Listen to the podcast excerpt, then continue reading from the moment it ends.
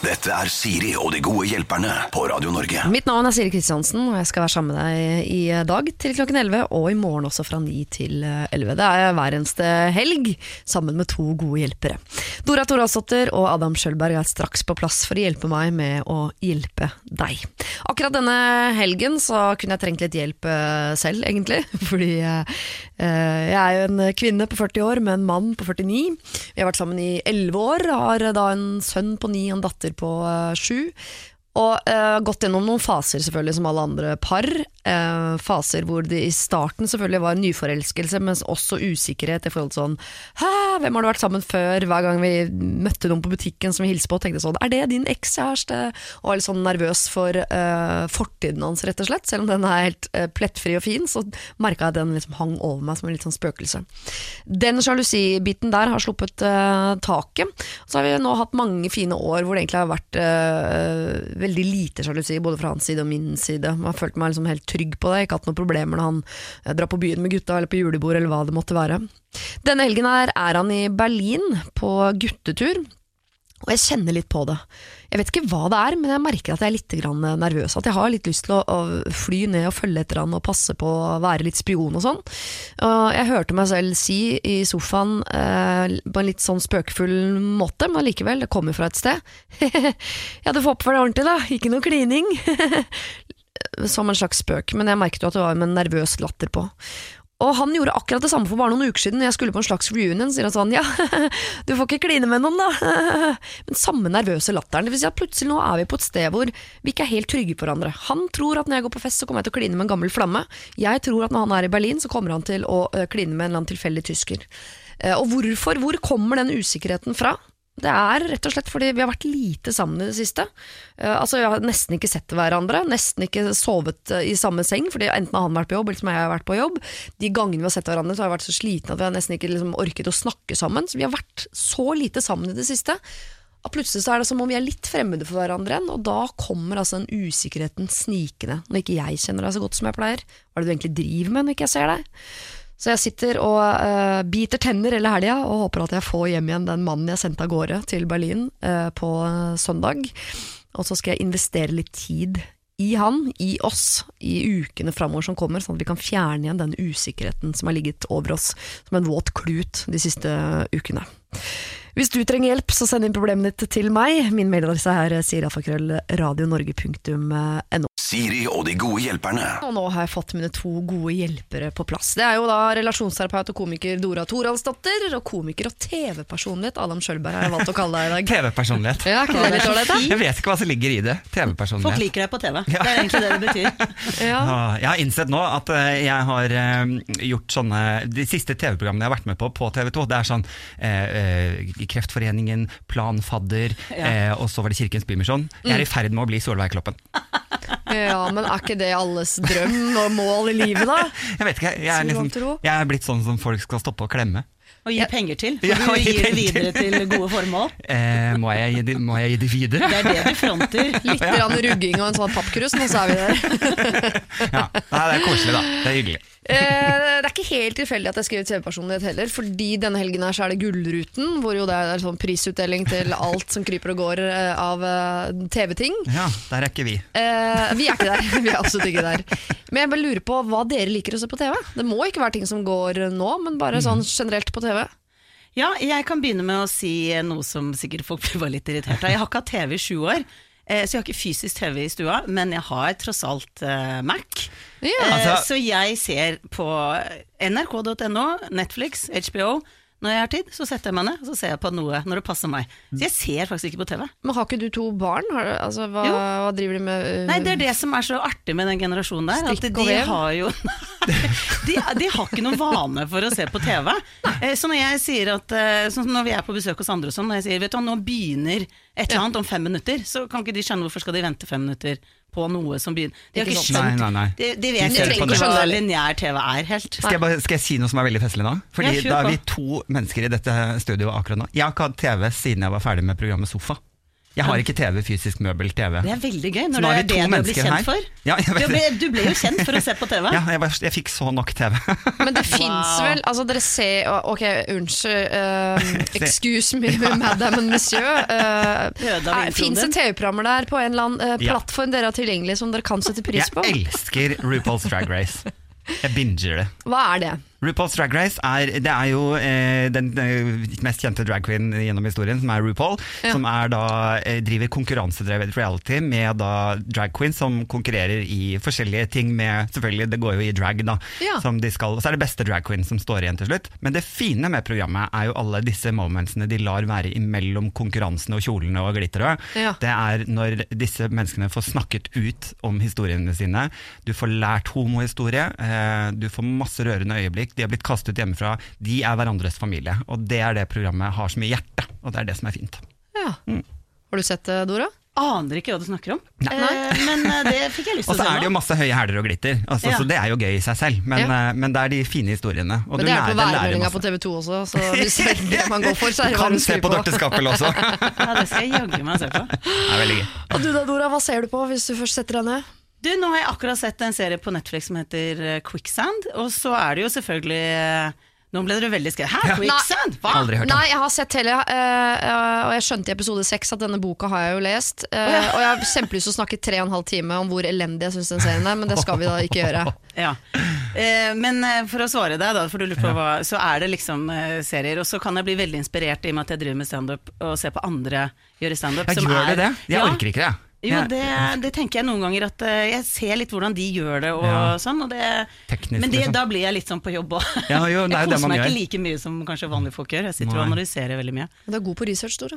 Ja. Du er god på Takk skal du ha, rett og Siri. slett. Kan jeg bare spørre om en ting? Ja. Eh, For det står Foran meg her nå i studio står det en kaffekopp og et vannglass. Er Mhm. det fra de forrige hjelperne, eller kan jeg drikke av dette vannglasset? Jeg har ikke stått her en uke, nei. Det kan jeg garantere deg. Så den kaffen er til deg, og det vannet er til deg. Tusen takk. Så det er bare å forsyne seg. Tusen takk. Eh, vi trenger både kaffe og vann, for nå skal vi prøve å hjelpe så mange vi kan i noen timer eh, framover med det de måtte ha på hjertene sine. Og hvis ikke du har sendt inn problemet ditt, så eh, gjør gjerne det til Siri Alfakrøll, radionorge.no. Siri og de gode hjelperne. Radio Norge. Eh, helgens gode hjelpere hos meg er jo da eh, komiker Adam Schjølberg og komiker Dora Torasdotter. I tillegg eh, er jo du relasjonsterapeut, eh, Dora, så det ligger Ja. jo litt sånn ekstra eh, bør på dine skuldre her i dag. Det bør være bra svar Ja, herfra. det bør funke, det greiene som kommer fra deg. Både veldig gøy og veldig lærerikt. Så Og jeg er jo. TV-personlighet, så hva, hva forventer dere? Punchlines, punchlines. Neida. Eh, jeg har fått inn et problem fra egentlig eh, et søs, altså to søstre. Eh, fordi de skriver I familien eh, vår har vi en bunad på deling, men av diverse grunner er det som oftest meg og søsteren min som får bruke den på 17. mai. Bortsett fra at jeg har aldri brukt den. For hvert år begynner søsteren min å mase om bunad i hvert fall en måned i forveien, og om hvorfor hun skal få lov til å bruke den siden det betyr så mye for henne. Som jo er sant. I år syns jeg det hadde vært gøy å endelig få brukt den, men nå har søsteren min tilbudt seg å betale meg 600 kroner for å få lov til å bruke den i år også. Er det innafor å ta imot de pengene, eller burde vi løse dette på en annen måte? Kall oss hva du vil. Og jeg har kalt dem Tuppen og Lillemor. Nydelig problem. Jeg kan Tuppen ta 600 kroner av Lillemor for at Lillemor skal bruke uh, den felles bunaden i familien nok en gang på 17. mai? Altså, ja, i Min sånn første respons er jo at det, det er noe som heter bunadspolitikk, sant? og de har ganske mange regler for the do's and don'ts, men Ja. jeg tror virkelig ikke at det står noe i reglementet om at ikke du kan ta imot penger. For hvis de 600 kronene gjør at hun syns at det er greit, så er det jo egentlig ikke noe problem. Da får jo søsteren det som hun vil, Tuppen i dette tilfellet, og lillemor får 600 kroner, fornøyd med det. Eh, Så jeg tenker, hva er problemet? Ja, og så tenker jeg litt at eh, hva, hva er grunnen til at du vil ha den bunaden selv i år? Er det mest fordi at hun ikke skal få den? Eller, fordi Hvor viktig er det for deg når det er så viktig for henne? Og hvis disse 600 kronene faktisk frister litt Ja. Mellom søsken, det der er lov. Det er Ja. lov å kjøpe søsken innimellom. Kjøpe seg ut av Jeg og søsteren har deala mye greier opp igjennom. Altså. Det er lov. Men er ikke dette starten på liksom, eh, når man bringer penger inn i familiefeidene? Det er jo da uh, det kommer splid og lidelse. Liksom. Dette er jo starten på arveoppgjøret. Men det som er ofte roten til arveoppgjør og vonde ting, er jo når den ene er veldig misfornøyd med løsningen. Ja. Det er jo da liksom den urettferdighetsfølelsen kommer. Og sånn som jeg hører henne snakke, eller skrive inn her, så handler det om at hun syns 600 kroner er helt fair for dette her. Og da er det jo to stykker som kommer i pluss, og ikke én i minus og den andre i pluss. Derfor er jeg litt optimist på dems vegne, henne at dette kommer til å gå helt fint. Eventuelt starte budkrig. Så jeg har fått inn et annet tilbud òg, for 800 kroner. Kusina vår hva Kusina vår er keen. Fy Ja, Lagt ut lagt på om. Finn og se om eh, Er det noen som byr høyere? Ja. Starte sånn Airbnb-virksomhet på bunad. Men eh, jeg, bare, hvis, jeg bare kjenner på sånn hvis jeg, ja, Ok, i året har jeg lyst til å ha på bunad, men så ble jeg tilbudt 600 kroner. Og det er ikke sånn one million dollars, det er 600 kroner, 600 liksom. spenn. Eh, og da tenker jeg sånn "Æ, Nei, jeg vil heller ha 600 kroner. Da er ikke den bunaden på 17. mai så viktig. Nei. Og da tenker jeg, hvis ikke den er så viktig, Ikke sant? og den er så viktig for søsteren Ja. din, Jepp. Så er det jo litt fristende å si sånn La søsteren din få bruke bunaden. Ja. Og så tror jeg at eh, sånn generelt, liksom, når du blir spurt om å gjøre noe, hvis du kjenner etter at jo, men det er greit, altså 600 kroner, det kjennes bra, så blir det ikke noe problem fremover. Det er når det skurrer, når det murrer, når du har en bismak, du tar imot de 600 og er fremdeles sur. Det er da dette her kan bli et sånn vedvarende problem utover. Ja. Mens uh, hvis hun tar imot de 600 og tenker sånn woho, bra deal, så what's, altså, da er det jo egentlig et fiktivt problem på ett vis. Jeg syns bare det med penger gjør at det er så upersonlig. Jeg hadde likt det bedre hvis det var noe sånn Ok, greit, eh, du får bunaden på 17. mai, men da må jeg få en flaske champagne hvert år. At det blir mer en sånn et eller annet som er litt mer symbolsk enn de der 600 kronene, liksom. Rydde rommet i halvannet år. Altså, det, er jo en, det er jo en fin avtale, hvis den bunaden ikke betyr så himla mye. Så å lage en avtale på at hver 17. mai, men da skal du kjøpe en flaske bobler hver 17. mai til meg, så er vi deal, liksom. Ja. Hvis det føles greit, som Dora sier, da. Hvis det føles som en woho, så kjør på, liksom. Ja. Og hadde de vært et parforhold, eh, så er det veldig ofte at man ut, istedenfor å utveksle penger, så utveksler man tjenester. At du får lov til å dra på VM i fotball eller et eller annet sånn, mot at du lager frokost i to måneder Så du eller mente seksuelle tjenester? Ja. det er ofte det er det letteste å gi, syns jeg. Ja, det kan også være. Men i dette tilfellet så har de ikke så veldig mye sånne bargain for, liksom. Det er penger, Ja. eller eventuelt å gjøre hverandre tjenester, da. Og Mm. 600 kroner, jeg synes det høres Hvis ikke det er så big deal for hun å ha bunad, så ta imot penga, god samvittighet, kjør på. Det er ikke noen regler for at det ikke er greit. Nei. Da er altså eh, både mine gode hjelpere og bunadspolitiet helt enige med at det er lov å ta imot 600 kroner av sin søster for at hun nok et år skal bruke bunaden. Ja. Uh, men, men hvis dette er starten, hvis det er noen nag altså Hvis du Ja. merker at hun egentlig er irritert, hvis det blir Da- noe som helst sånn ullent rundt dette her, Ja, at ikke det bare er ha-ha, 600 kroner til meg, ha-ha, bunad til deg at Det må være helt sykt god stemning fra begges parter på denne løsningen. Veldig Hvis én begynner å surne, da må vi ha inn en ny løsning. Da er ikke 600 kroner nok. Nei, da må, eh, da må vi bli rausere. Da må vi droppe pengene, og så må du søsteren få lov til å ha bunaden. eh, Ja. Inntil den dagen det betyr så mye for deg Ja. eh, at du må ha den. Da er det din tur. Siri og de gode hjelperne. Send oss en e-post på siri at radionorge.no. Fått inn en mail fra en som sier at hennes sosiale hverdag avhenger av dere. Så bare ha det bak øret. Jeg er en ung dame på 26 år som elsker å konversere og utdype meg i dype eller teite temaer og samtaler. Problemet mitt er at jeg aldri har vært god på å skape relasjoner til jevnaldrende grunnet mobbing og baksnakking i oppveksten. Uavhengig av dette er jeg likevel en optimistisk og snill person som blir veldig knyttet til folk, og jeg lurer på om dere kunne gi meg noen verktøy for å få venner. Helt noen konkrete, gjerne steg for steg, for jeg klarer ikke å snakke eh, med folk lett, eh, men noe skjer Jo, jeg klarer å snakke lett med folk, eh, men noe skjer da overgangen fra å hinte til å snakke mer og komme seg videre er noe diffus for meg. Jeg er altså ivrig etter å snakke om alt, da kunnskap generelt er noe jeg digger. Hjelp meg, sier jo de gode hjelperne. Min sosiale hverdag avhenger av dere. Hilsen Hermine Grang. Hint, hint. Jeg tror det er en, eh, altså en Harry Potter-referanse. Ja, nettopp. Så hun kommer i prat med folk, er blid og sosial, Mm, ja. men så kommer hun seg ikke over kneika fra sånn uh, small talk Mm. til vennskap. Jeg er ganske lik, faktisk. Å ja. Mm. Så jeg har liksom måttet jobbe litt med det. der. Jeg, jeg skjønner problemet veldig godt. Men uh, her kommer kanskje faglige, Nei. faglige Dora inn på banen. Men uh, Ja, men Har du noe, altså, noe konkret, gjerne steg for steg, fra en eller annen uh, hvor du har fått det til? Å få det over i Ja, altså jeg har faktisk eh, De to siste årene har jeg liksom bevisst jobbet med å gi relasjoner mer verdi eh, i mitt liv. da, At jeg må gi det mer, For jeg har, aldri gitt det særlig verdi eh, i mitt liv. Så jeg har liksom jobbet med å sakte, men sikkert prøve å finne litt verdi i det. da. Eh, og så har jeg også måttet For jeg, jeg, jeg er ganske introvert egentlig, og det er helt i orden. Det skal jeg fortsette å være. Det betyr ikke at jeg må være en annen enn meg selv. Men jeg kan jo ikke på en måte leve livet mitt uten å være i relasjon. Det, det, det går jo ikke, og det vil jeg ikke heller. Det er jo fryktelig trist, og da blir man deprimert. Så det, du må krysse noen grenser med deg sjøl. Du må gjøre noe du syns er ubehagelig. Du, må bli, liksom, du må aktivt velge å si mer ja til ting, bli med ut på ting, eh, for å komme litt sånn over kneika. da. Det måtte jeg gjøre, i hvert fall. Men jeg får litt inntrykk her av Hermine Grang, eh, at eh, det ikke, problemet hennes er ikke at hun ikke vil. Jeg, tror, jeg får inntrykk Ja, ja, av men det er det der mellom, altså når du skal fra liksom, eh, løs bekjentskap til og, og videre om ting. En Ja. ting som jeg gjorde veldig mye, var å øh, spørre om eh, jeg ville være med å gå en tur. fordi at når jeg kan gå en tur, så kan jeg også avslutte den turen når jeg vil. Jeg, jeg er ikke satt ned på en kafé og må fortsette å drikke kaffen så lenge. Kan, den turen kan være syv minutter, og den kan være 30 minutter. Sånn at jeg har gitt meg det der, jeg kan stikke av når jeg vil, da, når, når jeg syns det er ukomfortabelt. Og så er det veldig lett å komme i prat med folk når man går. Det er jo en egen form for terapi, faktisk. Ja. At man går Ja. med psykologen istedenfor at man ligger på Ja. den benken eller sitter på den kafeen. Og Steve Jobs han var visst veldig tilhenger i sånn walk and talk. Ja. Eh, han hadde visst alle møtene sine gående, Ja. eller veldig veldig mye. Ja. Så det, jeg er veldig tilhenger av det. Og jeg vil si, Hvis jeg skal ta min er- erfaring selv, så flytta jeg til Drammen for fire år siden og kjente ingen der. Og da kjente jeg litt på at hvis jeg skal ha venner her, så trenger jeg faktisk selv å ta litt initiativ, og jeg tror at det er det som er veldig mye at de som kan føle seg litt ensomme eller har mangler litt sånn vennskapsrelasjoner, eh, de sitter veldig ofte på gjerdet og venter.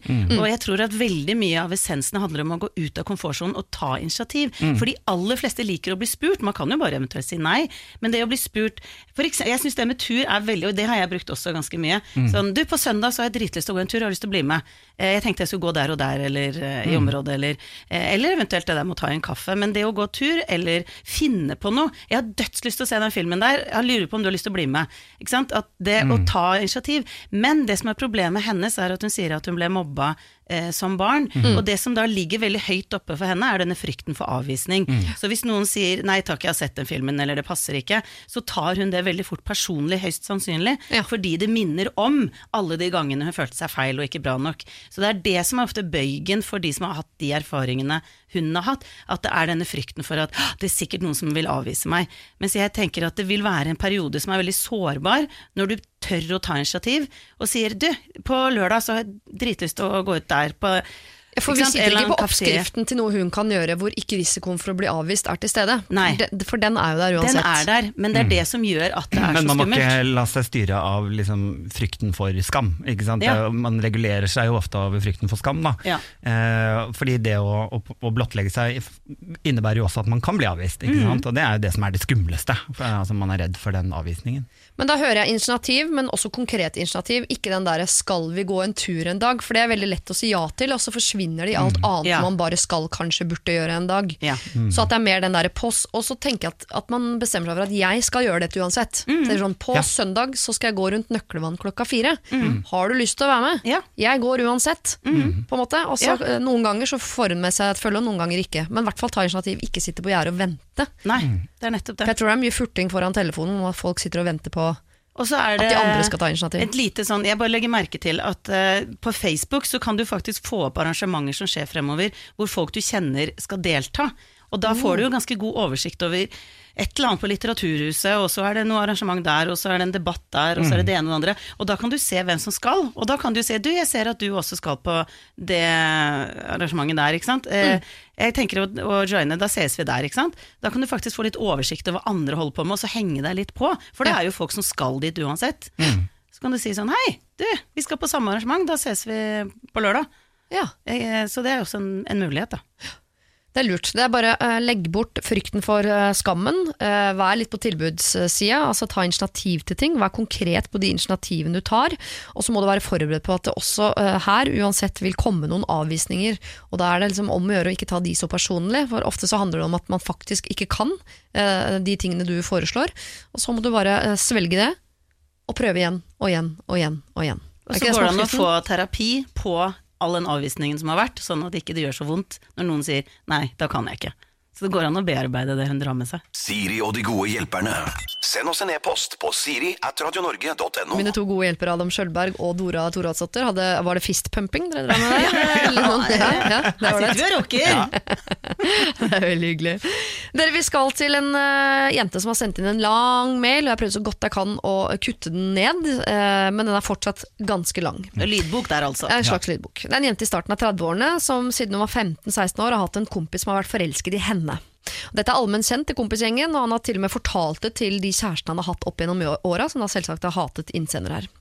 Jeg har alltid vært veldig klar og tydelig på at jeg ikke er interessert, og jeg faktisk til og med også ligger med broren hans. Det syns jeg er et ganske greit eh, tegn, som jeg har brukt selv i min fortid. De siste årene har vi likevel fungert greit som venner, vi har snakka nesten daglig på sosiale medier, trent en del sammen osv. Og, så og etter hvert begynte jeg å tenke litt på om kanskje dette kunne være en fyr jeg kunne utviklet noe mer med likevel, for han er verdens snilleste fyr. Så eh, på en fest da med litt for høyt alkoholinntak så klarte jeg å ligge litt med han, eh, men vi var så fulle at det ble ikke så mye å skrive hjem om, og vi lo litt av det etterpå. Men så en dag så fikk jeg telefon fra en venninne som lurte på om det var sant at vi hadde ligget sammen, og hun visste overraskende mange detaljer om hvor, hva osv. Hun hadde hørt av en fyr hun dreiv på med, som jeg vet at ikke er en veldig god venn av uh, han som jeg da har ligget med. Så dette er tydeligvis en snakkis. Jeg ble dritforbanna, altså en voksen fyr som forteller kompisene sine detaljer fra et ligg med noen han faktisk bryr seg om. Jeg sletta og blokkerte han fra sosiale medier uten å snakke med han i ettertid. Og jeg har fått høre av venninner at han er kjempelei seg og kan ikke forstå hva han har gjort galt, at jeg bare plutselig kuttet all kontakt uten forklaring. Nå har det gått noen måneder, og jeg har roet meg ned og innsett at jeg kanskje ble litt vel sint. Så spørsmålet er overreagerte jeg? I sommer skal jeg og noen venninner ha en stor fest hvor vi skal be hele vendingen. Bør jeg be han, og også gi han en forklaring på hvorfor jeg har gjort som jeg har gjort? Skylder jeg han det? Han har ikke prøvd å ta kontakt med meg. Overreagerte hun? Skal vi begynne her? For han har ikke prøvd å ta kontakt, det la jeg liksom merke til. Men uh, overreagerte, uh, i mitt hode, ja. Ja. Jeg setter over til Og så deilig at det er så kort og konsist. Det er så fort gjort å begynne bla, bla, bla, bla, bla. Ja, nei. Jo. Ja, men det Neste det. spørsmål! Ja. Nei, men jeg syns det, det er overreaksjon fordi Eh, han har jo tydeligvis da gitt uttrykk for at han ikke aner. Det er noe med at man føler at man straffer noen, og så er man liksom fornøyd med straffen man har gitt, og så går den andre rundt og ikke vet at den er straffet. Da har egentlig ikke straffen fungert. Ja, det er jo ringe på stikka, liksom, som man tenker er gøy, men som egentlig ikke er gøy for noen. At Da må du på en måte ta mot til deg heller, og trenger kanskje ikke invitere han på noe hjemmefest, men eh, gi han muligheten til å, å si du, vet du hva, grunnen til at jeg gjorde dette, var fordi dette ble jeg såret av. Eh, dette syns jeg ikke var kult, eh, og, og, og så hvis du da velger å, ta silent treatment etterpå, så vet du i hvert fall at straffen fungerer, og at han vet hva han blir straffet for. Ja. og han har kanskje lært noe og sendt ham videre i verden som et knepp bedre menneske. Ikke sant? Ja, Det er han ikke nå. Og så syns jeg også at eh, jeg ville ikke ha gjort det som en så stor forferdelig ting at han har snakket om dette. Selvfølgelig Han har endelig ligget med en dame han har vært forelsket i hele livet. Ja. Han er stolt. Han roper det fra fjelltoppene. Ja, og samtidig er han flau, for han vet at oi, det ble ikke helt maksimal ligging, det greiene der. Så han har også litt behov for å eh, få, få sagt til så mange som mulig sånn jeg var jo full, jeg pleier egentlig å være mye bedre. For han er redd for at du skal gå rundt og si til folk Å, det så lå jeg endelig med han, det var jo helt jævlig. Ja. Ikke sant? Så han uh, går jo bare rundt nå og, og holdt på å si slukker små bål, eller hva han drømmer. Hente selvtillit. Ja. Ja. Jeg tenker at Det som krøller til folks liv, veldig mye er mangel på ærlighet. Ja. Og det som jeg tenker er at det er jo litt dårlig at hun blokkerer han og bare kutter helt ut uten å si noen ting. Fordi at det skaper så utrolig mye tolkninger for han og misforståelser. Og kanskje han tror det er noe annet enn Kanskje det han det er. tror det er fordi at han var dårlig i senga. Ja, ikke sant? han da. Ja, Så det, Ja, ja. det blir så mye eh, problemer som egentlig ikke fins når vi ikke er ærlige. Så jeg tror det å bare sende en kort melding og si beklager, jeg ser at jeg har overreagert litt, jeg blokkerte deg og stengte deg helt ute, for jeg eh, hørte at du hadde fortalt videre om det, liggingen, eh, og det syns jeg ikke noe om. Men eh, jeg har roa meg nå og tenker at eh, det er sikkert en god grunn til det, og jeg foreslår at vi legger ballen død eller et eller annet. Men det å si grunnen, og være ærlig, eh, tror jeg er altså Det blir løsningen på nesten alle problemer som blir sendt inn her. Her er det Ja, ja. visdomsord. Jeg må, dette jeg må ha kaffe, Dora. Du må sende over. Dette her ble koselig. Snakk mer. Var det nytt for deg, ærlighet? Ja, ærlighet har jeg aldri. Hvordan skriver du ærlighet? Hvordan skriver du det? Veldig fint ord. nytt, det er et nytt konsept som kom i 2006, det er veldig undervurdert. Ja, det kom samtidig som Snapchat. Ja. Jo, men eh, for jeg synes det, Begynnelsen på mailen er så vakker. Han har alltid vært forelsket. Ja. Hun har tenkt nei, det er ikke han. Og så begynner hun etter hvert. Altså, det kunne vært fantastisk kjærlighet. At Ja. hun på, over tid tenker sånn Han er jo en fantastisk fyr. Det er klart det skal bli oss. Og så klabber man det til med noe litt sånn klønete ligging, og så er det cold turkey. Altså, Ja. Og hun vet jo ikke noen ting om Er det én person Kanskje det er han ene han sa det til, eh, og sånn i forbifarten, som han ikke kjenner så godt, og ingen andre vet. Ikke sant? Hun vet jo ikke hvor mange som egentlig vet så mye detaljer her. Nei. Sånn at det er veldig mye tolkninger, og basert på veldig sånn løse tråder, kan du si. Så jeg tror at det er veldig fint å bare få sagt hva det handler om, og så kan han svare. Og da er liksom, for hvis ikke så kommer han på den festen, og så er det en gigantisk rosa elefant på plass der, Ja. og så blir dette bare kleint og litt uutholdelig og litt sånn fæl stemning og øh, Jeg har laget et nynorsk ordtak oppi hodet mitt nå. Vil dere høre. Og nå er jeg spent. Du skal ikke veve en vev av løse tråder. er Endte du der? Tråder? Det var Er det nynorsk? Tråder? Du, kjør på. Ja, ja. Det er helt sikkert sånn alternativt skrivemåte. Ah, jo, men jeg er helt enig. Vi må for det første finne ut av eh, hva som har skjedd der. Han må få lov til å finne ut av hva som har skjedd, Ja. og så må jo de komme i dialog igjen. Ja. For det er ikke, De har jo tydeligvis kjent hverandre i Må de veldig ligge veldig sammen mange en år. gang til uten alkohol. Og Det blir jo en veldig Ja. romantisk historie til slutt. da At Han var forelska hele livet, så lå vi sammen. Så blokkerte jeg han, så snakka vi sammen, så ble vi sammen. Hæ? Ja. Er ikke det nydelig? Husker du da mamma blokkerte pappa? Og pappa fortalte til alle vennene om ligginga. Ja. Nei, vet du hva? Vi er misfornøyd med slutten på denne filmen Ja. eh, om ditt liv. Vi vil ha en ny Ja. slutt, og den må du lage. Så du må kontakte denne uh, fyren igjen. Uh, snakke ut om hvorfor ting ble som det ble. Mm. Plukke opp igjen de løse trevene. Og så må du veve Og så blir det et nydelig, nydelig veveri til slutt. Billete. Billete, Ja. Å, dette må du få til, og vi må vite hvordan det går. Vi vil at dere to skal komme i tale igjen, eh, og vi vil høre Vi trenger ikke å høre hele talen, selvfølgelig, eller gjerne det hvis det er fysisk mulig. Men vi vil i hvert fall oppsummere det hele i en eh, mail og sende det inn med løkkeskrift til oss, eh, sånn at vi får vite hvordan dette går. Eller- For vi tror at dette er altså far til dine fremtidige barn. Ja. Er vi ikke enige om det? Du, vi heier faktisk veldig, merker jeg. Ja, vi gjør altså det. Siri og de gode hjelperne. Du hører på Siri og de gode hjelperne som eh, har tatt en liten pause. Eller si, ikke jeg, Siri har ikke tatt en pause, men de gode hjelperne har tatt seg en liten pause. Fordi eh, jeg skal snakke om to andre gode hjelpere. Da blir de så sjalu. Nils Ingar Odne og Guro Tveten var nemlig her 23. og 24. mars. Og da prøvde vi å hjelpe en uh, ung uh, dame som vi kalte for Klara. Som hadde et eh, forhold bak seg som ble slutt pga. hans pornoavhengighet. Så gikk hun inn i et nytt forhold der det viste seg at dette også var en mann som så på porno. Det er ikke sånn at hun fant de to som drev med det, det er helt sikkert ganske mange, men i hvert fall to på rad, eh, som så en del porno. Hun hadde tatt opp med han eh, og ville ikke at han skulle gjøre det. Han var lei seg, skulle slutte med det. Men så viser det seg at han driver og har sett på porno bak ryggen hennes igjen. Så hun har på en måte tatt ham på fersken, og nå vet hun ikke helt hva hun skal gjøre med det. Hun eh, var hysterisk, var redd for å miste drømmemannen, vurderte å avlyse bryllupet, og i det hele tatt det var ganske kaos der. Eh, Dette problemet ga jeg da altså til Nils Ingar Rodden og Guro Tveten, og dette er noe av det de mente kunne være lurt. Hva slags jobb er han da? For å se på porno? IT-bransjen antakeligvis. Ser for meg IT-bransjen. Jeg skjønner at hun eh, er i tvil om det, om hun i det hele tatt tør å gifte seg med han. Ja. Når hun har sagt så sterkt og tydelig fra om at der syns jeg, der går det over en grense hos meg. Mm. Og likevel så gjør han det.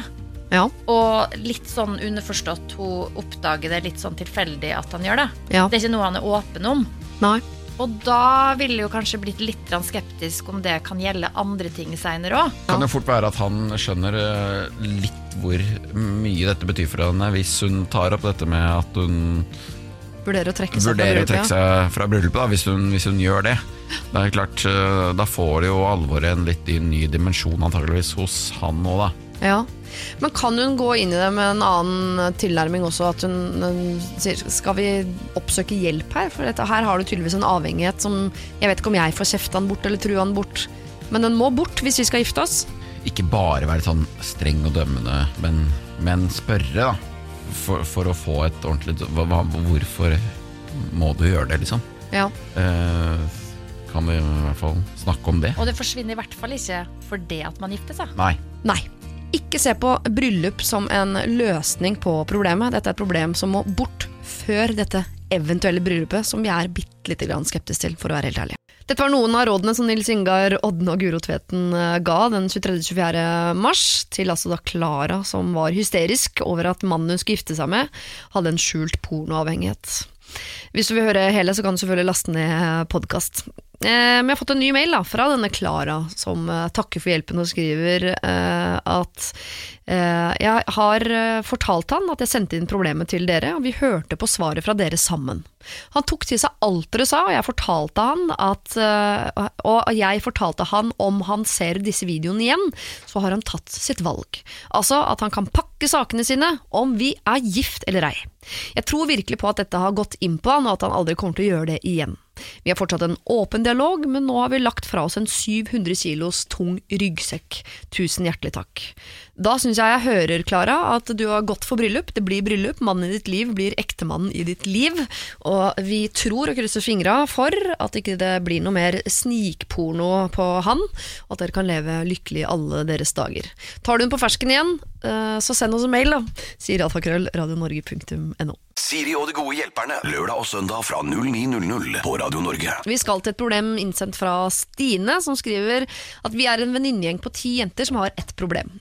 Flere av oss har begynt å etablere seg med kjæreste, og det har ført med seg det berømte fenomenet parmiddager. For noen uker siden inviterte jeg to venninner og kjærestene deres på middag til oss, og det førte til at noen følte seg ekskludert, siden de da ikke var invitert. Vi kan vel si at det hele har utviklet seg til en kjedereaksjon, der det blir stilt spørsmål ved om dette er greit, hver gang noen av jentene gjør noe sammen, uavhengig om kjæresten er med eller ikke. Vi har blitt mer hårsåre og redde for å gjøre noe feil. Det er dårlig stemning. Dette har aldri skjedd i vår gjeng før. Gjengen stemmer fra russetiden, og med ti jenter er det naturlig at ikke alle er like gode venner, og at det oppstår noen naturlige klikker.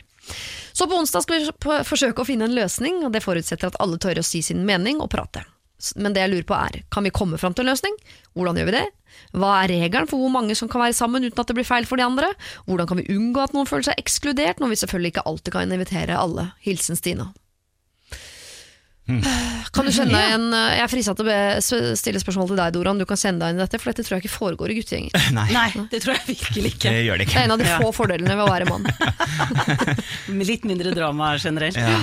Det, jeg sitter og kjenner på en sånn lettelse av å bli eldre, eh, fordi at Går det over? det går over. Ja. Fordi jeg har en venninnegjeng som stammer også fra russetida. Eh, Vi er tolv stykker. Mm. Og det som eh, er, blir naturlig etter hvert i, med så mange mennesker, er jo at noen er nærmere enn andre. Og noen vil kanskje ha kanskje kjærester som er, blir gode venner også. Så dette her vil naturlig bli en gjeng som kan gjøre ting sammen, og så kan de gjøre ting litt hver for seg etter hvert. Men akkurat nå så tenker jeg at det sårbare er at det er en endring på gang. Nå skjer noe som ikke har skjedd før. Og det er da veldig mange føler seg trua på Men herregud, er vi ikke en gjeng lenger? Er vi ikke, eh, står vi ikke sammen i tykt og tynt og all slags vær, liksom? Eh, tåler vi ikke å få kjærester og begynne å etablere oss før liksom alt er i fare med å gå i oppløsning? Så mitt tips er noe som vi gjorde, i hvert fall. Det var at eh, etter hvert Vi begynte med å ha en gang i måneden alle møttes, og så ble det jo. Jeg vet det, men det var i starten. Dette var da vi var unge og alltid, alt gikk Før barn og sånn. Før barn og Skjønner. det sosiale livet gikk ad undas. Ja. Eh, Så nå får vi til kanskje hver tredje måned eller hver fjerde måned. Oh. Eh, Men da kommer ikke alle, da kommer de som kan. Men utover det så er det jo noen som møtes, vet vi. Det er jo to stykker som har menn som har blitt bestevenner, og de finner på sine ting. Og tre av de er veldig mye sammen, for de bor i nærheten av hverandre og sånn. Sånn at jeg tror at det er mye som nat utvikles naturlig, men i en fase hvor ting føles skummelt, så kan det være greit at den første tirsdagen i måneden så møtes vi alle sammen, sånn at folk føler at de har noe forutsigbarhet på at ja, vi fortsetter å holde sammen, men det er faktisk litt naturlig at vi deler oss litt opp også. Og så tror jeg at det hun sa var at vi skal møtes og snakke sammen. Det Er det lurt? er så bra, fordi oh, ja. at når du får Jeg muligheten tenkte sånn til å atombombe Nei, ellers blir det bare den der eh, masse kroppsspråk og ordvalg og Ja. tonefall som toner på at ja, nå kommer Anita, det blir koselig, mm, for hun er jo så sosial som inviterer alle. Så kommer masse skit opp. Så det å møtes og snakke om det er genialt. Fordi at når du får lufta hva du syns er vanskelig, så løses nesten problemet bare i Mm, bare kraft det. av det. Det er helt utrolig hvor effektfullt Jeg står jo ofte på andre siden av dette, med disse parmiddagene og venner som får barn og driver med sånne parmiddager. Så jeg har la, eh, min, mitt svar på dette er jeg klipper alle de vennskapene eh, med venner som får barn. Ferdig, snakkes. Vi er ikke venner lenger. Da slutter du å være venn med folk som har barn? Mm. Men du er venn, eh, er ikke vi venner? Litt? Nei. Å nei, vi er bare bekjente, Du, du kolleger. unngår folk som har barn fordi de er så vanskelige å være sammen med. Ja, ferdig. Jeg, Jeg avslutter vennskap med folk som har slange hjemme. ja, det har jeg, da. Og dermed ble det slutt med mellom dere. men, men, nei, men jeg har på en måte Nei da, jeg gjør ikke det, det var bare tøys. Men eh, jeg har nok liksom, Jeg har jo min singelboble, jeg er jo singel, jeg har ikke barn. Det blir jo naturlig at vi andre som er single også møtes og henger sammen og går ut på byen og alle skal på sjekkeren og gudene veit, ikke sant. Og at ikke de som er gift og har barn blir med på det. Sånn at eh, Man må jo se det fra den siden òg, men ja, jeg gjør jo mine greier. Så, som jeg ikke vil ha med de på, rett og slett. Og disse fasene her er jo veldig mange, Fordi nå er dere inne i en fase hvor folk begynner å etablere seg. Så Ja. skal dere gjennom en fase hvor folk begynner å få barn. Da kommer det også til å oppstå nye klikker ut fra hvem som får barn samtidig. Så skal dere inn i den fasen hvor det begynner å bli brudd. Det er en ny Ja, ja. klikk, for det er jo de som er i rebelser som skal ut igjen. Da så begynner vi å henge sammen. Og da står jeg der og sier 'velkommen tilbake', vi tar deg imot, her har du det. Så jeg bare tenker, egentlig, altså For vanligvis vil jeg nesten si at ja, selvfølgelig eh, møtes og snakke om det er alltid den beste løsningen på alt, men her hadde jeg lyst til å si sånn herregud, må alle møtes og snakke om det? Det her skal jo skje naturlig. Mm. Ja, det er vondt nå, Ja. men det skjer jo naturlig. Men de kan bli enige om noen retningslinjer, fordi at de som føler at dette er mest skummelt og er redde for at nå er klikken i ferd med å gå i oppløsning, Ja. de vil få en veldig sånn betryggelse på at nei da, vi holder sammen, og så har vi noen faste rutiner eller måter å møtes på. Eh, og så kan man kontakte hvem man vil og være sammen vil utover det, men da har vi noe eh, forutsigbart holdepunkt, Ja. liksom. Jeg vet at min sånn barndomsgjengen, eh, de har en sånn fellestur i året. Ja. Og det er uten eh, barn og menn, liksom. Som ja, Ja, de drar på. Det, er sånn, det, det skal de ha. En sånn tur i året med bare Ja, gjengen. ja, jeg også. Ja. Mm. Men det er jeg enig i, det er veldig lurt, eh, Stine, at dere eh, får opp et eller annet arrangement som er sånn ganske hyppig, i hvert fall nå i starten, som er bare russebiljentene. Og da er det ikke med noen menn eller noe som helst, da er det bare sånn som alt var før, for at man skal kjenne på det limet, at det fortsatt er der. Og så øh, kanskje dere på en onsdag skal møtes, bare snakke litt om sånn At du sier det du sier her, da. Det oppstår naturligvis noen klikker. Noen menn går bedre overens, noen bor nærmere hverandre, noen har en tettere relasjon pga. historikk. Og sånn vil det bare være. For jeg tror hvis de begynner å snike rundt, det er da det blir ubehagelig. Man må liksom, Hvis du skal ha eh, fire venner over på tomatsuppe, så- må du eie det, liksom. Da kan du ikke uh, snike deg rundt og si sånn 'ikke si til noen at det er tomatsuppe her'. Altså, må bare, det er vi fire som skal møtes, ikke vi ti. Ja, Og så spør hun hvor at, mange eh, kan treffes uten at alle må treffes. Ja. Jeg, uh, I en gjeng på ti så setter jeg den ved uh, sju. Jo, det mener jeg. Du kan ikke invitere sju stykker Ja, hjem og på ikke middag, resten. og ikke de tre siste. Ja, det er jeg helt enig i. Det er jeg helt enig. Det er vel bare det at det er en ny form som nå finner sted, Ja. og så vekker det masse uro. Og så snakkes de, snakker de om dette her, finner noen faste holdepunkter, og utover det så blir det litt naturlig.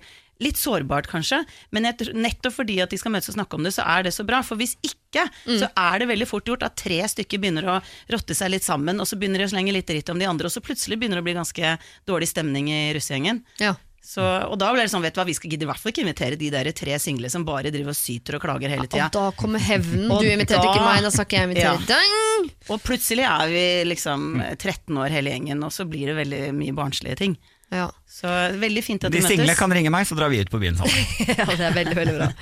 Stina, alle er vi 13 år innimellom. Jeg er 13 år til stadighet uh, sjæl. Ja, eh, men det er fint at dere skal møtes og ikke være 13 år på onsdag. Uh, der skal dere bli enige om nettopp dette, at dere skal ha noen faste holdepunkter for når dere skal treffes. Uh, og så må dere bare bli enige om at disse klikkene er helt naturlige, at de oppstår, og det kommer til å bli bedre på sikt. Og så er den magiske grensa som du jo ber om, den er på syv. Så ikke inviter syv uten å invitere alle, da må alle med. Og så er jeg helt sikker på at dette her det blir veldig veldig mye bedre på sikt. Siri og de gode hjelperne. Eh, Det er uh, søndag. Hvordan uh, ser en vanlig søndag ut for uh, dere? Nå høres det ut som dere er et par som våkner sammen og ja. dagen, men det hadde vært Det hadde jo vært snodig, men sikkert veldig koselig. Kjempekoselig. Ja, det har vært hyggelig, det. Eh, for meg er det også søndag. Jeg er jo singel, bor i, på Grünerløkka i Oslo og er jo ofte ute på lørdag, så søndag for meg pleier å være ganske fyllesyk. Det innebærer gjerne McDonald's. Ja. Eh, og så innebærer det film, Netflix, og så har jeg jo slange som husdyr, og den pleier å ligge i genseren min mens jeg ligger på sofaen og ser på Netflix og spiser cheeseburger. Ja, Fordi den, den liker kroppskontakt og vil kose og sånn. Eh, nei, men hun liker at det er varmt. da sånn, jeg, jeg har henne ofte oppi genseren. Vigdis heter hun. da Så jeg har Vigdis liksom, ligger ofte liksom oppi genseren, kanskje ved brystet eller noe sånt. nå Ja. eh, Du må og- fortelle med en gang hvor stor Vigdis er, for nå tenker folk kanskje en sånn liten orm som går rundt. En liten orm. Nei, hun er 1,40 kanskje lang. Ja, Ja. og det er jeg så Men det funker så, så gjerne da på lørdag, altså kvelden før søndag, så pleier det ofte å funke å si, være ute på byen og si sånn, vil du være med hjem og se på slangen min. Eh, Og så kommer de hjem til meg, og så har jeg Så det. er det Så er det liksom slange. De får de se den andre slangen Fader, du har jo Det er ikke så kjip. Nei, det, jeg viser viser alle. Jeg viser begge slangene. Jeg, jeg bjuda på. Ja. Det er ikke noe lure, lureslange. For, for dobbelt opp. Det er Ja. ikke noe lureslange der. Vil du se den på 40 eller den på 1,40 først? Ja, den andre er ikke 1,40, det skal jeg ikke skryte på. Eh, eh, midt oppi dette lurer jeg på noe som ikke har noe med det å gjøre i det hele tatt, så det er Ja. kanskje et rart oppfølgingsspørsmål, men uh, denne cheeseburgeren vil Ja. Vigdis ha? Er, er hun sånn som tigger ved matbordet? Nei, på ingen måte. Hun skjønner ikke at det er mat. Vigdis eh, altså hun er den eneste i vår husholdning som er glad i mus. Eh, så det er det eneste hun liksom kjenner på liksom, lukt. Ja, det, det kan blandes med noe sånn kyllingfilet eller noe sånt, noe rått kjøtt. Da Ja. kan hun være litt sånn på alerten. Ja. Eh, men sånn hamburger og sånn er ikke hun eh, veldig interessert i. Det skjønner hun ingenting av. Herregud, jeg skjønner ikke hvorfor jeg kjøpte hund. Slange høres ut som veien å gå. Så får maten min i fred. Eh, men du da, Dora? Har Du, du jeg, har jo, jeg er jo alene med to barn, sånn at søndagen er, Nå i det siste er det mye fotballcup med, med elleveåringen. Så jeg har kjørt så mye hit og dit og stått i regn og all slags vær. Altså, jeg meg det må være det verste. dette Sånn, skal han huske! Dette skal jeg, altså Masse Ja. bilder. ja. Fy fader. Men Men å stå i sånn regn på fotballcup Ja. og være fyllesyk, det må det være det verste. Ja, men hadde jeg bare vært fyllesyk Det er sånn, jeg, Når du satt og fortalte sånn, tenkte jeg sånn Å, back in the day. yes. Sånn er det. Så, eh, Når du var ute og så på slanger. Husker jeg var ute og så på slangene til folk og spøy dagen etter. Åh. Ja, det, høres koselig ut. Nei, det er veldig preg av to barn. Jeg prøver å tvinge det ut på tur eh, på søndager. da Det er ikke alltid Ja. at de er veldig lange, men det er i hvert fall eh, en liten Nå kommer liksom friskhusen, liksom friluftsjenta. Oh, yes. sånn, Nei, jeg pleier alltid å gå veldig lang tur på samme vei ut i naturen, og det er ikke en søndag før du liksom har vært ute og gått et par timer. Det, er, eh, det kan også være et kvarter. Søndag altså. er hviledag, der blir jeg veldig Ja. kristen igjen. eh, For Jeg jeg går jo veldig mye tur på de andre dagene, føler jeg. Så søndag er hviledag. Hviledag, ja. Mm. Men jeg ble eh, litt opphengt i når du sier Dor, at jeg, dette her håper jeg de husker. Fordi jeg driver jo også Mm. om dagen og eh, herregud, jeg baker og går på foreldremøter og skal ha håndballag igjen på grilling, og det er arrangering av 17. mai, og det er cuper, og det er liksom ikke måte De på. skylder deg mye, med andre ord. Jo, men jeg tror ikke de kommer Og eh, hver kveld de der samme tre nattasangene Og jeg elsker deg herfra til månen og, Ja, ja. ikke sant? Og det er jo veldig koselige ting Men jeg, jeg tror ikke de kommer til å huske det For jeg kan ikke huske Enten så har jeg hatt en forferdelig barndom uten at jeg er klar over det Ellers er det bare at jeg ikke husker Jeg kan ikke huske at Men at foreldrene mine sang for meg, eller at de nei. var på noe dugnad, eller så på at jeg spilte noen kamper, eller Jeg, jeg kan ikke huske Men vet du hva barna dine kommer til å huske? De kommer ikke til å huske episodene, men Nei. det de kommer til å huske eller kjenne på i voksen alder, er trygghet. Ja. Ja, Og det du og bli en strøm gjør av kjærlighet. en strøm av kjærlighet, og at mamma var der for meg. Ja. Og eh, det du gjør er jo, hvis du tenker at alle relasjoner er egentlig som en plante, at Ja. det handler om næring og hvor mye du gir til den planta, om den vokser og har det fint. Og litt luking, eller? Litt luking. det også. Men det handler jo om at du investerer i en relasjon som blir veldig nær, fordi det er nettopp i de, den barndommen du legger egentlig grunnlaget for åssen relasjon dere har resten av livet. Og ikke bare det, men de relasjonene du har når du er liten, hvis de er trygge, spesielt med foreldrene, Mm. så blir barnet bedre på å eh, regulere seg selv i voksen alder. Absolutt. Ikke sant? Nettopp. Man blir, får en trygghetsfølelse. klokt sagt. Den måten du møter dine barn på, er den måten de lærer å møte seg selv på. Ja. Ikke sant? Så når, når de merker at du respekterer dem, du er opptatt av deres ve og vel, så blir de også opptatt av å ta godt vare på seg selv, og så får de et bra liv. Og regulere egne følelser, da. Så gratulerer, Siri. Du har Gratulerer. sikra barna dine en god fremtid. Ja. Det er Gå deilig Gå rett inn i 80-tallslåten og få på da noe Phil dropper vi resten av Side og hjelperne i dag. Jeg må Ikke problemer, nå er det. Kumbaya-malone-stemning her. Ja, ja, ja. Siri og de gode hjelperne. Send oss en e-post på siri at radionorge.no. Eh, Vi skal til en jente som eh, gjerne vil at vi kaller henne Agneta, som er på vei inn i en fase som vel vi tre nok har lagt bak oss. Men vi må prøve da å huske hvordan det var. En jente på 20 år, eh, og jeg skal studere til høsten, og det skal også mine to bestevenninner. La oss kalle dem Trude og Sara. Vi har snakket om å flytte sammen lenge, og hvor mye vi gleder oss til en studietid sammen. Uten forvarsel skulle mine bestevenner flytte inn med en annen venninne plutselig, så de fikset en leilighet uten å si noe til meg. Og jeg prøvde å ta det opp med hun ene, men hun sa at hun bare måtte finne en leile, og at- det var dumt for meg. Jeg fikk ikke helt inntrykk av at hun forsto meg helt. Jeg syns dette var utrolig trist, da de ikke hadde sagt noe til meg om leiligheten. Hvis de ikke vil bo med meg, er jo det fair enough, det, men jeg syns det var kjipt når vi jo hadde planer om å flytte sammen, og plutselig har de en leilighet uten meg. Så hvordan skal jeg forholde meg til dem nå? Skal jeg ta det opp en gang til, og hvordan gjør jeg eventuelt det, eller skal jeg bare fortsette å late som ingenting? Hilsen Agneta 20. Ta et hint, de liker deg ikke. Nei, Adam! Jeg bare tulla. Gjorde du det? Nei. jo da, jeg tulla. Det, det, akkurat det der Jeg tror jeg har vært i den problemstillingen selv, hvis jeg skal kjenne litt etter. Ja. Det er liksom vanskelig, men igjen Det der, er, det der, er jo, det, det der går over, altså. det gjør det. Men eh, åh, hvordan skal man Det er jo viktig å kommunisere at nå ble jeg såra, tror jeg. Det må være lov å si her. Ja. Ja. At dette var sårende. Men kommer de to venninnene, eh, Trude og Sara, til å skjønne det? For det virker jo som to jenter som på en måte er litt sånn skruppelløse i forhold til sånn Ja ja, så er det hun tredjemann som jeg avtaler med. Nei, nå har hun følelser òg. Nå, jeg bare- nå kjenner ikke jeg Trude og Sara, jeg bare hører de litt sånn. Jeg For de har jo bare at- leid seg en leilighet, selv om de egentlig hadde en plan sammen. Og så har de bare leid en annen leilighet med en annen jente. Ja, ja. ja. Jeg, vet jeg tror det med følelsene til Agneta kommer til å prelle av dem. Ja, jeg tenker jo at det den følelsen vekker, er jo den følelsen som når du blir dumpa i et forhold. Ja. Fordi at du, hun er jo blitt lurt, egentlig. Hun er jo blitt, blitt hausa opp. Vi skal flytte sammen, dette blir kjempegøy. Og så bare bak ryggen så blir hun bare skyfla til siden, og så kommer en annen inn. Mm. Og det er jo nesten, det er nesten sånn utroskapsfølelse, liksom. At det, å ja, så det var noen annen som var bedre enn meg, eller viktigere enn meg, eller noe. Mm. Så jeg tror at uh, alltid når vi føler oss litt bedratt, eller såra, eller krenka, eller hva det er, så hjelper det oss for vår egen del å stå opp for oss selv. Så det å være ærlig og si at jeg syns det var sårende, for vi snakka jo om å flytte sammen, og så plutselig skjer dette her, og jeg syns det er leit. Eh, og jeg blir både provosert, men også ganske lei meg, fordi at dette her var det jeg forventa, og så ble det ikke sånn, og så sa dere ingenting til meg, og det syns jeg ikke var noe ålreit. Det å stå opp for seg gjør at hun i hvert fall beholder litt selvrespekt, for nå har hun egentlig ikke sagt ifra tydelig, Men og da glager gnager litt, dette her. kan vi legge inn litt kjefting der òg? For jeg, jeg vil ikke liksom at Agneta skal komme sånn krypende og si sånn 'jeg ble lei meg'.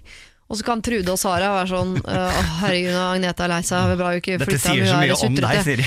Jo, men jeg syns at Agneta kan også få lov til å være litt sint og si sånn hva Ja, faen er det ja. Jeg syns hun skal finne seg en annen mye kulere leilighet med noen dødskule Ja. folk og heve seg over det, men samtidig kjefte litt, liksom. Ja, men jeg tenkte Ta Hun er både sint for fordi at hun er blitt lurt, men også lei seg. fordi at det, det er jo en sånn følelse av å bli dumpa, rett og slett. Så jeg tenker å være dønn ærlig om hva det gjør med henne. Så, gjør, så, altså Jeg er ikke så opptatt av disse venninnene, jeg. Jeg driter litt i de, for de har tatt det valget de har tatt. Men jeg tenker å ivareta hun Hva heter hun? Stine? Agneta. Ag- Ligna ikke det i hele tatt? Jeg vil gjerne at hun heter Stine. Er det du sånn i terapi også?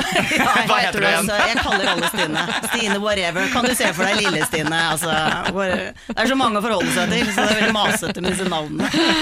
Men eh, nei, jeg tror det står Jeg er for helt deg. enig. Og det å, stå for seg, det, det å si til noen at dette var sårende, det kan du jo velge tonefall på, Siri. Det må Ja. ikke være 'stakkars meg, dette var sårende'. Det går an å si 'vet du hva, det der var jævla drittsekk-move gjort', jeg ble jævlig lei meg. Ja.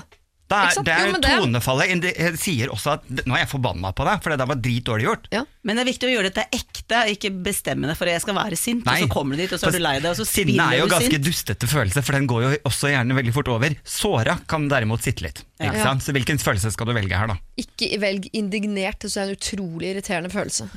Ja, eller, ja, Folk sånn- som er indignert, da blir jeg bare irritert tilbake. Slutt å være indignert. Velg da, er du sur eller trist eller Men vær ærlig, det er det. Ja. eh, Og liksom, oppfør deg i samsvar med hva du føler. Ja. For jeg tror ikke du kan bestemme på forhånd at det skal bli sånn og sånn. Ja. For det blir som det blir. Men Ja. bare så lenge du er tro mot deg, Ja, og det er som du sier, sier stå opp litt for deg selv òg. Det er jo også sånn at når man deler følelsen, så blir den også mer håndterbar. Ja. Sånn at da, når, du får ventilert, så går det antagelig Da får du løfta litt på stimen. Men hvis godt følelsen er indignert, så vent i hvert fall til du blir bitter. Det er tydelig at er indignert er Det, nå, eh, nå kommer du frem som litt indignert og bitter, Siri. Jeg er gjerne jeg er ofte bitter, men ikke indignert. Det får jeg ikke være. Men jeg har bare lyst til å også nyansere for Agneta en ting. Fordi eh, eh, det er ofte at man tror at eh, venninnene her har rotta seg sammen og Ja. satt opp en sånn for- og imot-liste og bare landa på at vi driter i Agneta, det her har vi tatt et rasjonelt valg på eh, vegne av osv. Mm. Det kan nok godt hende at de har snakket om sånn Å, det vært gøy å flytte sammen, ja, det har vært løs prat. Jeg er litt sånn som kan snakke om masse ting som jeg har lyst til en dag, og så plutselig har jeg en venninne som er sånn skal ikke vi til Berlin 20. desember? Å ja, nei, skal vi det? Det tror vi bare prata om ting som var gøy Intro å om gjøre i den avtalen liksom. du og Ja. jeg gjorde nå. Ja, for eksempel. uh, så det kan godt hende at de har tenkt sånn, det var løs prat, og så kommer det inn en fra siden som plutselig har en konkret løsning. Sånn, Ja. jeg har en leilighet med plass i to til, vil dere bo der? Ja, det gjør vi. Og så var ikke det som en sånn Det var ikke planlagt ondsinnet plan mot Agneta, liksom. Mm. Jeg bare har lyst til å legge til det. Ja. Ja. Det er ikke noe vits i å lage konspirasjonsteorier, i hvert fall. Nei. Nei. Nei. Så Agneta, ta så snakk med Trude og Sara, eh, og snakk med dem i den følelsen du har. Vær helt ærlig på det, bortsett fra hvis det er indignert. da vil jeg venta litt. Eh, Så kjeft gjerne på dem, vis at du er eh, lei deg, og tenk også at de har nok ikke gjort dette her for å være slemme. Eh, Hvis de har gjort det for å være slemme, hvis det skulle vise seg, ja, da må du slutte å være venn med Trude og Sara, altså. Det må jeg bare si. Det var oppsummeringen for Ja. i dag. Ja. Radio Norge. Vi skal til en uh, jente som uh, uh, også er i 20-årene, så vi holder oss litt sånn ungt nå på starten av søndagen, før 20-åringene faktisk står opp. Eh, sånn sett dramaturgisk nydelig lagt. Hei, jeg er en jente i 20-årene som fortsatt har kontakt med barndomsvennene mine. Vi er opprinnelig fra et ganske lite sted, og vi holder kontakten på Messenger, Snapchat og andre kanaler. Det siste året har de ulike samtalene blitt preget av graviditet, barneeksem, vond rygg, nusselig babyklær, hagestell og boligperspektiver. Eh, jeg også skjønner at vi begynner å bli eldre, og at dette potensielt blir et større problem eh, i fremtiden. Men jeg syns altså det er så kjedelig. Og jeg merker at jeg tar litt mer avstand fra gjengen nå enn tidligere. Det er kanskje ti babybilder, minst hver dag. Alle skriver 'Å, søt' som tilbakemelding, og jeg merker, markerer ulest, slik at jeg ikke trenger å kommentere i det hele tatt. Jeg minner om at jeg bruker ganske mye energi på dette, fordi det irriterer meg. Jeg syns det er synd at det ikke virker som vi har noen ordentlig å prate om lenger, så jeg lurer på hva jeg skal gjøre. Skal jeg fortsette å være passiv og stille, eller bare logge meg helt ut og eh, virke som Satan? PS, jeg er glad i vennene mine på deres vegne, men jeg trenger vennene mine, ikke bare masse babyprat. Og ja, Kjenner du deg igjen, Siri? Uh, jeg, var jo hun som fikk barn først, som sikkert var hun som syntes som des- Beklager da, at jeg syntes barna mine var nusselige og ville dele det, liksom. Her er det fram med saksa og begynne å klippe venner. Eh, no mercy fra Adam. Men dette snakket vi om i går også, det der med at alle vennskap er inne i forskjellige faser. Og det er ikke sånn at man kan bli enige om nå går vi inn i få kjærestefasen.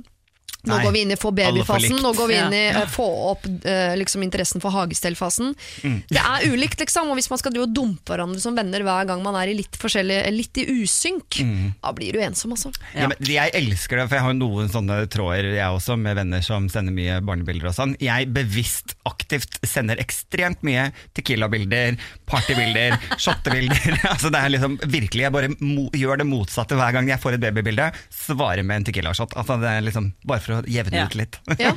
det funker for meg, da. Ja.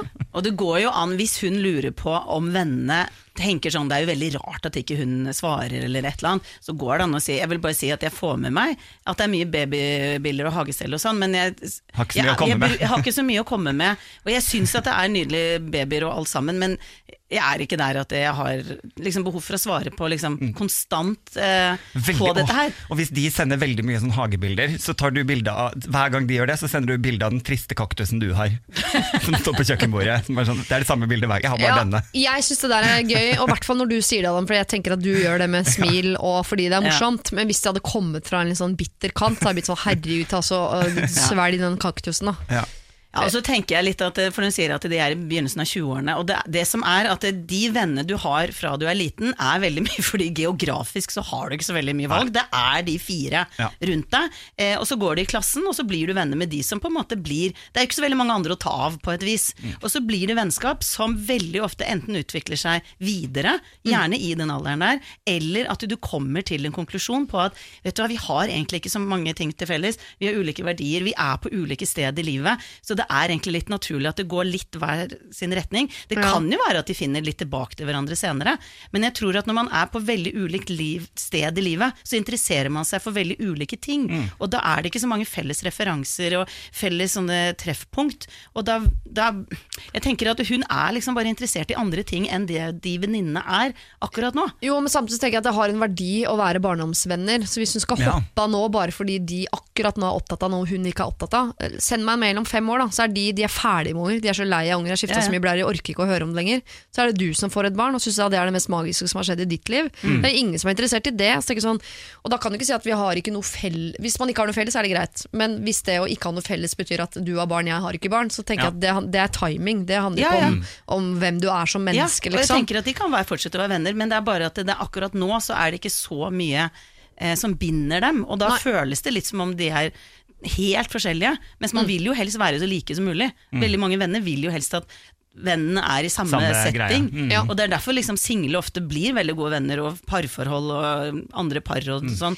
Men hun sier at hun blir så eh, innmari uh, irritert. Uh, nå sier hun at hun er passiv. Jeg vil si at hun er passiv-aggressiv. Liksom, for hun sitter og bruker mye Og det sier hun at jeg bruker mye energi på dette fordi det, fordi det irriterer meg. Ja. Du sitter og åpner det og blir irritert. ja, men Da er det jo fordi du blir irritert at det tar mye energi. Er det ikke bare blaffer igjennom og, og trykker tommel opp, liksom, og så er du ferdig, istedenfor å sitte sånn. Fordi du, For hvert bilde du tar nå, så har du lyst til å ta den praten.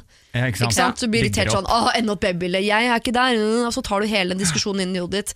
Og, da er det tappende for energi. Ja. Hvis du bare kan scrolle gjennom, trykke like, like, like, like, like, like, like, like, like, like logge ut, Ja. så har du brukt ka- 10 av den energien. Og du har Mm. ikke, det er ikke vits i å bli sur på vennene dine for at de er opptatt av at de har fått barn. Det er man når man får barn. Vi kan ikke slutte med det Mm. gjør fordi som du ikke jeg er det. da. Svar med, ta masse random babybilder av babyer du aldri har sett for å sende tilbake. Jeg gjør det. Det, det og trist kaktus, det er det de får tilbake. Men det er, man litt sånn, jeg bare skyte inn, er litt sånn, det er litt sånn upolitisk ukorrekt å si dette her, men det er, jeg syns jo at det er dørgende uinteressant å se på andre folks barn og høre masse om hagen deres og sånn. Ja. Så jeg skjønner henne fryktelig godt. Ja. Fordi at det er en kultur hvor veldig mange skal liksom bare legge ut ting for å få sånn 'Å, så søt, å, så nydelig, og du er så skjønn, og du er så god mamma', og du, du, du. Og det er egentlig bare en måte å bli sett på, Ja. som jeg tror at det har gått veldig inflasjon i. Og jeg tror at det er en pendel som går tilbake igjen til litt mer normalitet. For det har bikka litt over på at alle skal vise hver minst Altså Før så tok vi bilde av maten, eh, og det til slutt ble jo helt patetisk, og ingen gjør det lenger. Mens nå er det mye sånn ja, babybilder og eh, Ja. det man lykkes med. ikke sant? Vi er ute og jogger òg, nå Ja, ja. regner det, ser jeg er på toppen av et fjell og sånn. Ja. Eh, og jeg tror Og at baby dette er jo også en måte å si at jeg har lykkes på. ja, ikke se sant? så søt hun er, og så har du pynta henne, ikke sant? Ja. og så har du en liten sløyfe. Og det er, jeg skjønner, altså jeg har jo selv vært der, at jeg syns det er dritkoselig, men jeg har aldri tenkt at dette er noe mine venner har noe spesielt stor interesse av. Så jeg vil bare understreke at jeg skjønner hun som sender Ja. dette her inn, og det går an å være ærlig om at By the way, Grunnen til at jeg ikke responderer masse, er fordi at dette her er ikke det jeg er så opptatt av akkurat nå. Ja. Men jeg syns for all del dette er koselig, men I'm out of fear en liten periode.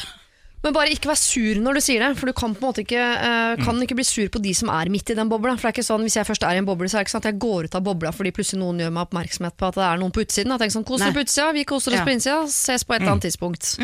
Så uh, jeg tror slutt å bruke så mye energi på å være så sint og irritert. Ta litt avstand nå, dere er på forskjellige steder. Kanskje dere uh, kommer nærere igjen på et annet tidspunkt. Eh, også, eller legge ut morsomme bilder tilbake. Når de legger ut babybilder, så legger du ut bilde av en annen baby eller en kaktus eller hva det nå har liggende på din telefon. Og Så får du henge litt mer med noen andre mennesker i denne perioden, eh, og så får du se om dere finner tilbake til hverandre igjen om en stund. Siri og de gode hjelperne. Jeg har lyst til å be dere synge med på slutten her og Ha Take On Me, Adam og Dora, men jeg har til dags dato ikke hørt noen synge pent med på den høyeste tonen der. Det er det bare Morten som får til. Ja. Ja, kanskje Gustav Sia. Nilsen, kanskje, Ja, som kanskje. Ja, ja. Der er i hvert fall uh, mange skjærer om den kråka. si. Det er nesten helt umulig å følge med på det greiene der.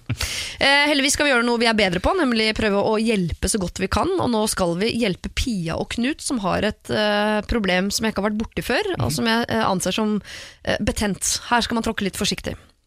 Vi har en veldig god venn vi har kjent i snart 30 år. Vi er alle i begynnelsen av 40-åra, og vi prøvde alle litt dop i helgene for 20 år siden.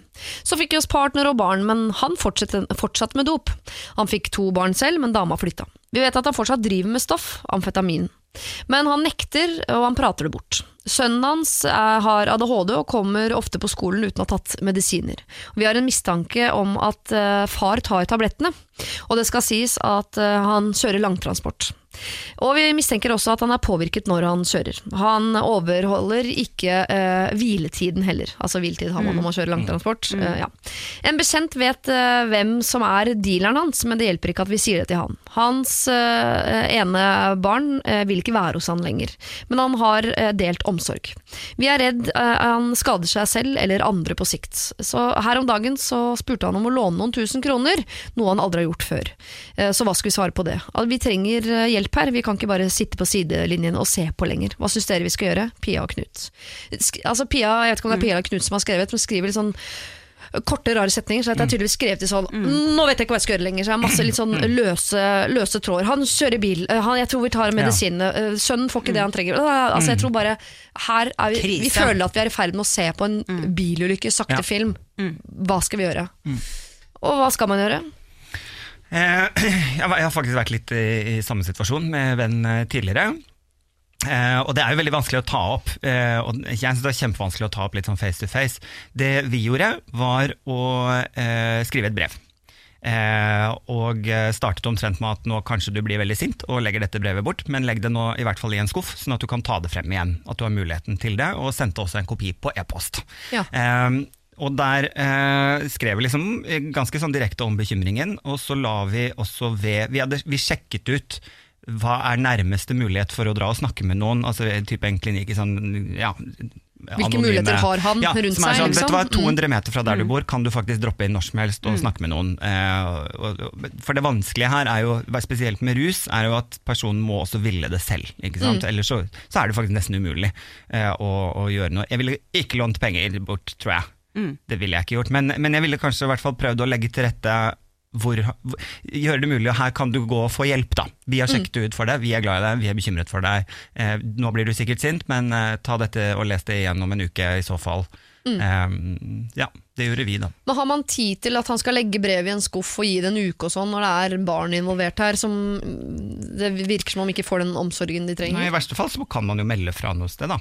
Men mm. sant? Det, det, da burde man jo snakke sammen med personen først og si at vi kan ikke stå og se på dette. Altså Ikke la det komme som en sånn bak ryggen-greie. Sånn, Det blir et svik der, da.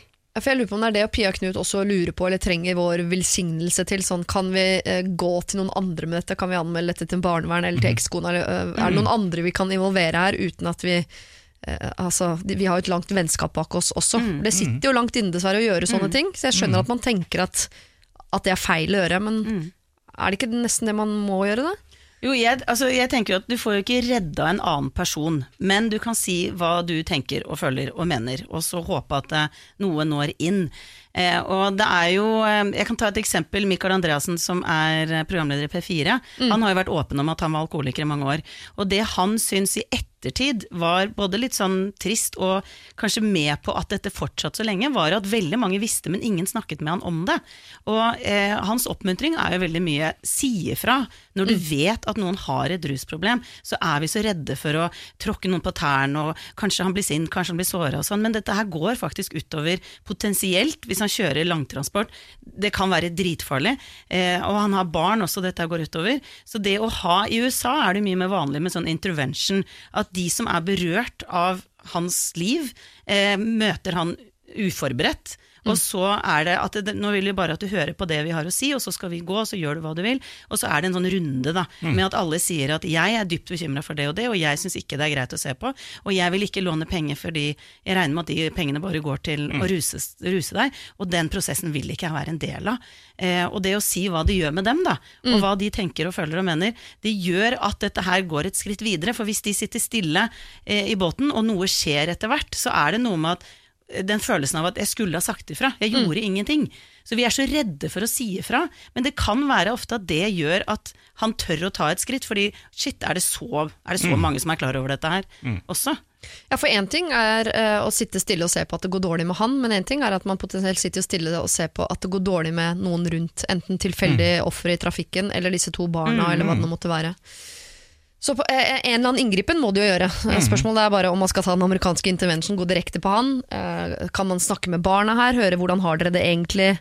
Eh, kan man snakke med ekskona? Eh, kan man gå til Jeg, vil, skolen? jeg ville Kan- snakket med han først. Jeg også ville tatt han først, og ikke gå liksom via, via, via. Ja. Fordi det er jo han de trenger å konfrontere, ikke eh, begynne der, i hvert fall. For mm. det kan jo være at han hva vet jeg, har en plan om et eller annet, eller eh, at det er den samtalen som skal til for at han faktisk Fader heller, altså når Pia og Knut sier dette her, så, eh, så, så får jeg det så i fleisen hvordan ting er. er. Noen ganger kan det være noe sånt som setter i gang, eller setter et frø da, som kan mm. bli til noe. Han nekter og prater det bort, er en setning her. Så Da- har jo, de har jo tydeligvis prøvd, men da Men tvinge, da, ikke sant, til å Ja. prate. At det, det er ikke du som skal snakke, nå er det vi som skal snakke. Ja, Enten i form av brev, eller jeg likte det. Det er ikke så ofte jeg eh, liker å se mot Amerika og tenke at Nei. de har løsningen på ting. Eh, men akkurat den der amerikanske intervention, man tar Mm. med en liten gjeng med folk som er glad i han, som er Ja. oppriktig bekymret Mm. for han, som går hjem til han og tar han litt på senga. Snakker og går, og så får han prosessere på sin måte, som jo på en måte blir som en slags brev. Ja, ja. Ja. Eh, det syns jeg hørtes lurt ut. Det krever jo enorme altså bøttevis med baller, da. Ja, og det er det vi har et eh, ganske konfliktsky samfunn, hvor vi tror at med en gang vi sier fra, da går alt ad undas. Men det er jo nettopp når vi sier ifra at ting ofte blir bedre. Det er da det snus, det er da noe endring kan skje. Ja. Eh, så vi har en sånn litt lei tendens til å bare håpe og tro at ting går over, og så gjør det ikke det. Og hvis jeg skal bare sitere Mikael, som jeg snakka en del med om dette her, så var jo han rusmisbruker, og syntes at det var veldig rart at så mange visste det. Ingen turte å adressere det, ingen turte å ta det opp. Ingen var liksom ærlig med at jeg ser at det er Jeg opplever deg fyllesyk så ofte på jobb, og jeg tenker at dette her er kanskje ikke noe ålreit for deg. Vil du snakke om det? Jeg ser det. Men vi, vi Nå så vi- du veldig på meg. Ja. Veldig på det. Jeg så det. Jeg ser det! Ble litt sånn bekymra. Ja, Pia Knut, dere må nesten dere må høre på dette her. Det kan nok hende at han vil at dere skal se han i større Mm. grad. At han vil at dere skal ta tak i det. Eh, Så det kan nok hende at dere må eh, gå litt hardere til verks her. Ta den praten med han. Si at dere bryr dere, eh, og si at dere er der for å hjelpe, og sørge for at dette her går bra. Dere kan ikke sitte på sidelinjen og potensielt se på at det går dårlig med han, de han eventuelt måtte møte i trafikken, og de to barna han allerede har eh, fått. Jeg ønsker dere lykke til med det, jeg håper det går bra. eh, om dere eventuelt da må eh, involvere flere mennesker rundt dere for å få dette til. Tusen takk for at dere spør. Eh, hvis du har problemer, du som hører på, så send det gjerne inn til meg her jeg sitter. Da bruker du Siri Alfakrøll, radionorge.no. Siri og de gode hjelperne. Radio Norge. Noe som viser seg også ikke være umulig etter en uke med grubling, er eh, altså et problem vi tok for oss eh, da, forrige lørdag eller søndag, husker jeg ikke helt, hvor det var en eh, jente som lurte på hva hun skulle gjøre med sitt noe ja, kleine problem, kanskje. Hun hadde svette hender. Og da var det ikke sånn noen ganger er jeg klam i hendene, altså det kan være litt sånn når jeg hilser på folk, så tenker sånn oi, du var varm. Altså det dryppet svette av hendene hennes. Hun syntes det var flaut eh, være hjemme hos folk, hun følte det ble vått. Hun, kunne ikke, uh, hun hatet å komme i situasjoner hvor hun måtte hilse, hun, og hun drev og tørka seg på buksene.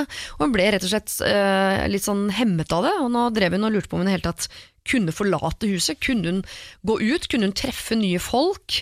Og hun eh, merka at det hemmet henne i eh, livet hennes. rett og slett. Hun var redd for at førsteinntrykket av henne skulle være at hun var ekkel og uhygienisk. Eh, og hun var desperat på jakt etter en løsning, selvfølgelig. Men vi er jo ikke medisinsk personell her vi sitter. Vi sitter jo bare og skyter fra hofta, for å være helt ærlig. Eh, synser og mener basert på eget liv og egne erfaringer. Eh, og det hun trengte var sånn, hva, hva skal jeg gjøre da i en situasjon hvor jeg treffer folk? Skal jeg eh, ikke hilse, eller skal jeg si sånn «Hæ, jeg sliter med klamme hender før jeg hilser, eller Og vi kom opp med en del sånn helt ok eh, artige ting man kanskje kunne prøve seg på, men jeg følte ikke at vi var helt i mål i forhold til å hjelpe denne eh, jenta. Og da ble jeg så glad når jeg plutselig får en eh, mail i min innboks fra en eh, mor som eh, har hørt på, og som tenker oi, dette her minner meg om min datter. Akkurat dette problemet hadde min datter, for hun skriver. Det samme problemet hadde av min datter. Jeg vet ikke hvor mange ganger vi tok opp dette hos fastlegen, etterfulgt av diverse testing i øst og vest, men de kunne ikke finne ut av noen ting, og dette gikk over mange år. Jeg nevnte dette til en lege på jobben som anbefalte en kollega ved hudpoliklinikken på Rikshospitalet. Og etter dette fikk jenta mi et nytt liv, altså virkelig, hennes sosiale liv ble helt forandret, hun blomstret, noe som også varmer en mammahjerte. Hun begynte på en medisin som heter Dridase. Jeg vet ikke om dette kan hjelpe denne jenta, men det er i hvert fall et forsøk verdt. Hilsen Bente. Tusen, tusen takk, Bente. Og nå vet ikke jeg eh, om du kan gå på apoteket og, eh, bruke Siri og de gode hjelperne nærmest som resept på denne medisinen. Det tror jeg nok ikke. Men hvis du legger turen innom en eh, hudlege eller en fastlege og nevner dette, så er jeg helt sikker på at eh, kanskje det også kan være løsningen for deg. Oppdater meg gjerne. Jeg vil vite, funket det for deg også? Har du fått et bedre liv? Har du blomstret som datteren til Bente? Det vil jeg gjerne vite. Sender du meg det på mail, så skal du få en liten gave fra Radio Norge i posten. Hvis du legger ved adressen din, da. Send det hele til sirialfakrøllradionorge.no. Siri og de gode hjelperne. Lørdag og søndag fra 09.00 på Radio Norge. Eh, Adam Skjølberg og Dora Thoralsdottir, vi skal ta helgens siste problem, eh, innsendt av en som ønsker å være anonym. Vi kan kalle henne for Karen for enkelhets skyld. Jeg og min nye mann har blitt besteforeldre, og, er nå, eh, og det er nå barnedåp som er vårt problem. Eh, Jeg, kall kaller meg Karen, hadde en forferdelig skilsmisse fra min eksmann. Eh, Min mamma har fortsatt tett kontakt med han, og ikke med meg. Heller ikke min nye mann. Min søster og hennes mann har også kontakt med min eksmann, og ikke med meg. Min sønn og min svigerdatter har kontakt med liksom alle, da. Foreldre til dette barnet de skal i dåp til.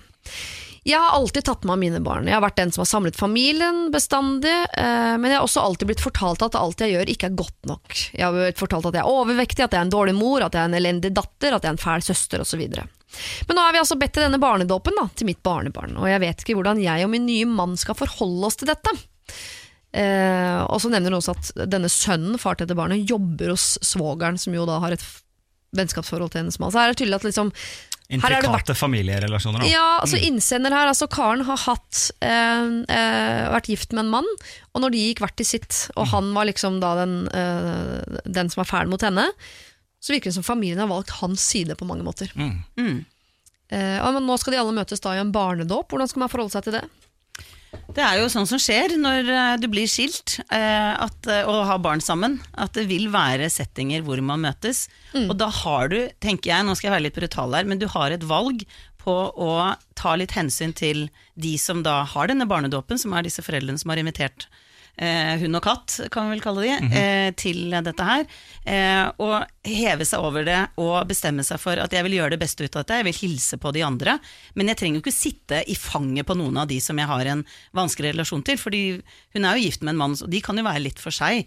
Men det er noe med at det, hvem er den voksne her? Fordi at hvis du velger å være sånn, vet du, nå skal jeg sitte og surmule, og nå skal jeg slenge litt dritt, og, og dette her er kjempevanskelig. Jo mer Altså, det du setter fokus på, får du mer av. Og hvis du setter veldig mye fokus på det som er vanskelig, så blir det det som er vanskelig. Så jeg tenker at det er litt eh, skift fokus, rett og slett. Nå er det en dåp, det handler om et barn som skal få et Ikke navn. Eh, og du velger om du vil gå inn der i krigsstemning, eller med et sånn hvitt flagg som bare ok, nå vil jeg at vi gjør det beste ut av dette her. Ja, det er masse irritasjon som ligger og ulmer her, men eh, for denne familiens skyld, og dette lille barnets skyld, så holder jeg meg i tøylene, og så oppfører jeg meg litt anstendig. Ikke sant? Og barndåpen er kanskje ikke stedet der vi skal løse alle disse problemene og fortelle hverandre hva vi er misfornøyd med i livet. Det er litt sånn som Dora sier der, at eh, skal vi ikke ha, være voksne her og fokusere det er, det Dette er for barnet som skal bli døpt, og så holder vi oss litt for oss selv, og så får man heller ta det der en annen gang. Jeg tror faktisk Dora sa en gang, dette er en stund siden, der du sa eh, en sånn tips om familiedrama i jula. Nei, julaften er vel ikke da vi alle skal tømme oss heller? liksom, er ikke da vi skal Vet du hva jeg er dritsur for? Det er liksom La nå julaften være julaften, da, og så ta det, ta det på nyåret da istedenfor. Så noen må se an situasjonen og la barnedåp være barnedåp. Ja, For barnedåp eh, kan vi være enige om at handler om barnet. Ja. Eh, Dette er ikke, det er ikke deres dag, dette er ikke dagen der alt skal opp og fram. Nei. Men jeg syns jo noe skal opp og fram, og det er spørsmål, og det får jeg vel inntrykk av at det er et behov for her også, hos Karen og denne nye mannen, som føler seg urettferdig behandla. Fordi de, vi har vært i greie her, og så er det vi som sitter igjen uten relasjon til noen. Eh, men skal man eh, ta det i forkant av dåpen? Den er vel i mai, så vidt jeg kan huske. Eller skal man bare eh, fake det nå, være blid, late som ingenting, eh, surfe seg gjennom dåpen, og så ta det i etterkant? Jeg ville tatt det i etterkant, si- er mitt svar. Og jeg tenker at hvis det, det er lenge siden de har møttes sist gang eh, Hun vet jo, Jeg regner jo ikke med at de møtes i ett kjør. Eh, Nei, det så kan det jo faktisk hende at denne barndommen går forunderlig greit. Fordi at det er jo et uttrykk som er at tiden leger alle sår, og det er veldig ofte at vi gidder ikke å sånn der, eh, hva heter det, hold a grudge, eh, liksom tvære på noe sånn irritasjon. At det, det er veldig ofte, heldigvis, at med tiden så er det litt sånn, vet du hva, nå husker jeg ikke helt hvorfor vi var så forbanna, at det kan være da, at Ja. denne dåpen går bedre enn de tror, og at det blir en sånn gradvis prosess å tåle hverandre bedre. Så jeg tenker at det, kanskje dette her egentlig går bedre enn det hun tror, men jeg tror at det å være litt voksen her, og eh, ta ansvar for dine følelser, og være litt på tilbudssiden, da, litt raus, og litt overbærende for denne, dette barnet og disse Ja, barn, ja. Foreldrene. mm. Og foreldre, Og men ikke Ja. resten. Altså Barnet får ikke med seg noe som helst her, det skal vi jo være helt ærlige om. Det er jo en fem måneder gammel baby. Ja. Men foreldrene vil nok være veldig takknemlige for at ikke det blir sånn der blikking og himling av øynene Mm. og, og sånn derre Ja, så du satt i Jan ved siden av meg, ja, mm, det var koselig! Ikke sant? Sånne Ja, ja, ja. spydige kommentarer. Hold deg for god for det. Og det er jo nå hun legger grunnlaget for videre forhold også til, altså som Mm. bestemor. Hvis hun viser seg i dåpen som den perfekte bestemor, se, altså, som du sier på Mm. tilbudssiden, holde barnet, hjelper til, er blid, er raus den dagen, så er jo eh, det et, eh, noe man da eh, søker videre, Mm. enn hvis du kommer i dåpen Mm. Og med rette altså, er pottesur gjennom Ja, hele den dagen. Så tenker man ikke sånn Barnevakt, skulle vi si. mm, stikke til hun derre Kan jeg komme med ett lite tips? Ja. Fordi at veldig ofte når vi er veldig frustrerte på noen, så er det jo gjerne gode grunner til det. ikke sant? Og hvis du f.eks. setter deg ned og skriver et brev som ikke skal sendes, for guds skyld, ikke med store bokstaver her, det skal ikke sendes, så skriver du et brev til eksen din, og så et til søsteren din, og et til alle de du er irritert på som kommer dit, og så leser du det høyt for en du har tillit, for, eh, tillit til, f.eks. han mannen hennes, da. og så bare river det opp eller brenner det opp etterpå. Det som da skjer, er at du, da får du det ganske terapeutisk å bare skrive ned det irriterer meg over det, og jeg er forbanna for det, og, du, du, du, du, du. og når du leser opp, så er det også ganske terapeutisk. Vi har vært innom det før her, at når du setter ord på følelsene, så får du det opp og ut. Mm. Sånn at i forkant av dåpen, hvis hun skriver brev til de hun er irritert på, leser det opp eh, riv, altså Grunnen til at jeg er så opptatt av å rive det i stykker, er at det ligger en frykt for at det kan bli funnet Ja. hvis du putter i en skuff. Så da er det Det er ikke sånn rituelt uh, indianeraktig Nei, nei, og så må du der. tenne på noen spesielle lys og si noen eh, Røkelse og myra må inn. Må inn. Men det kan være lurt, for da har hun det ikke så høyt oppe, Mm. den frustrasjonen. Men uh, også, uh, ok, du skriver noen brev nå i forkant av dåpen, som du river opp. Eh, og så går du i dåpen, er blid og, og hyggelig, Mm. og falsk, som jeg også da kaller det. Eh, og i etterkant av denne dåpen, så uh, kan du godt ta en runde med de uh, som du føler deg urettferdig behandlet av. For det er litt rart at moren din skal ha tett kontakt med din eksmann som har behandlet deg dårlig, men Mm. ikke deg, f.eks. Der er det noe som ikke er som det skal. Uh, og så tenker jeg at hvis du merker, kjenner at jeg kommer ikke til å klare å være hyggelig eller blid i denne dåpen, og her er jeg ute etter ja eller nei-svar, er det da lov å bli hjemme? Ja, Dora? Hvis du vet du ikke er det. Ja, absolutt. Da ville jeg holdt meg hjemme, ja.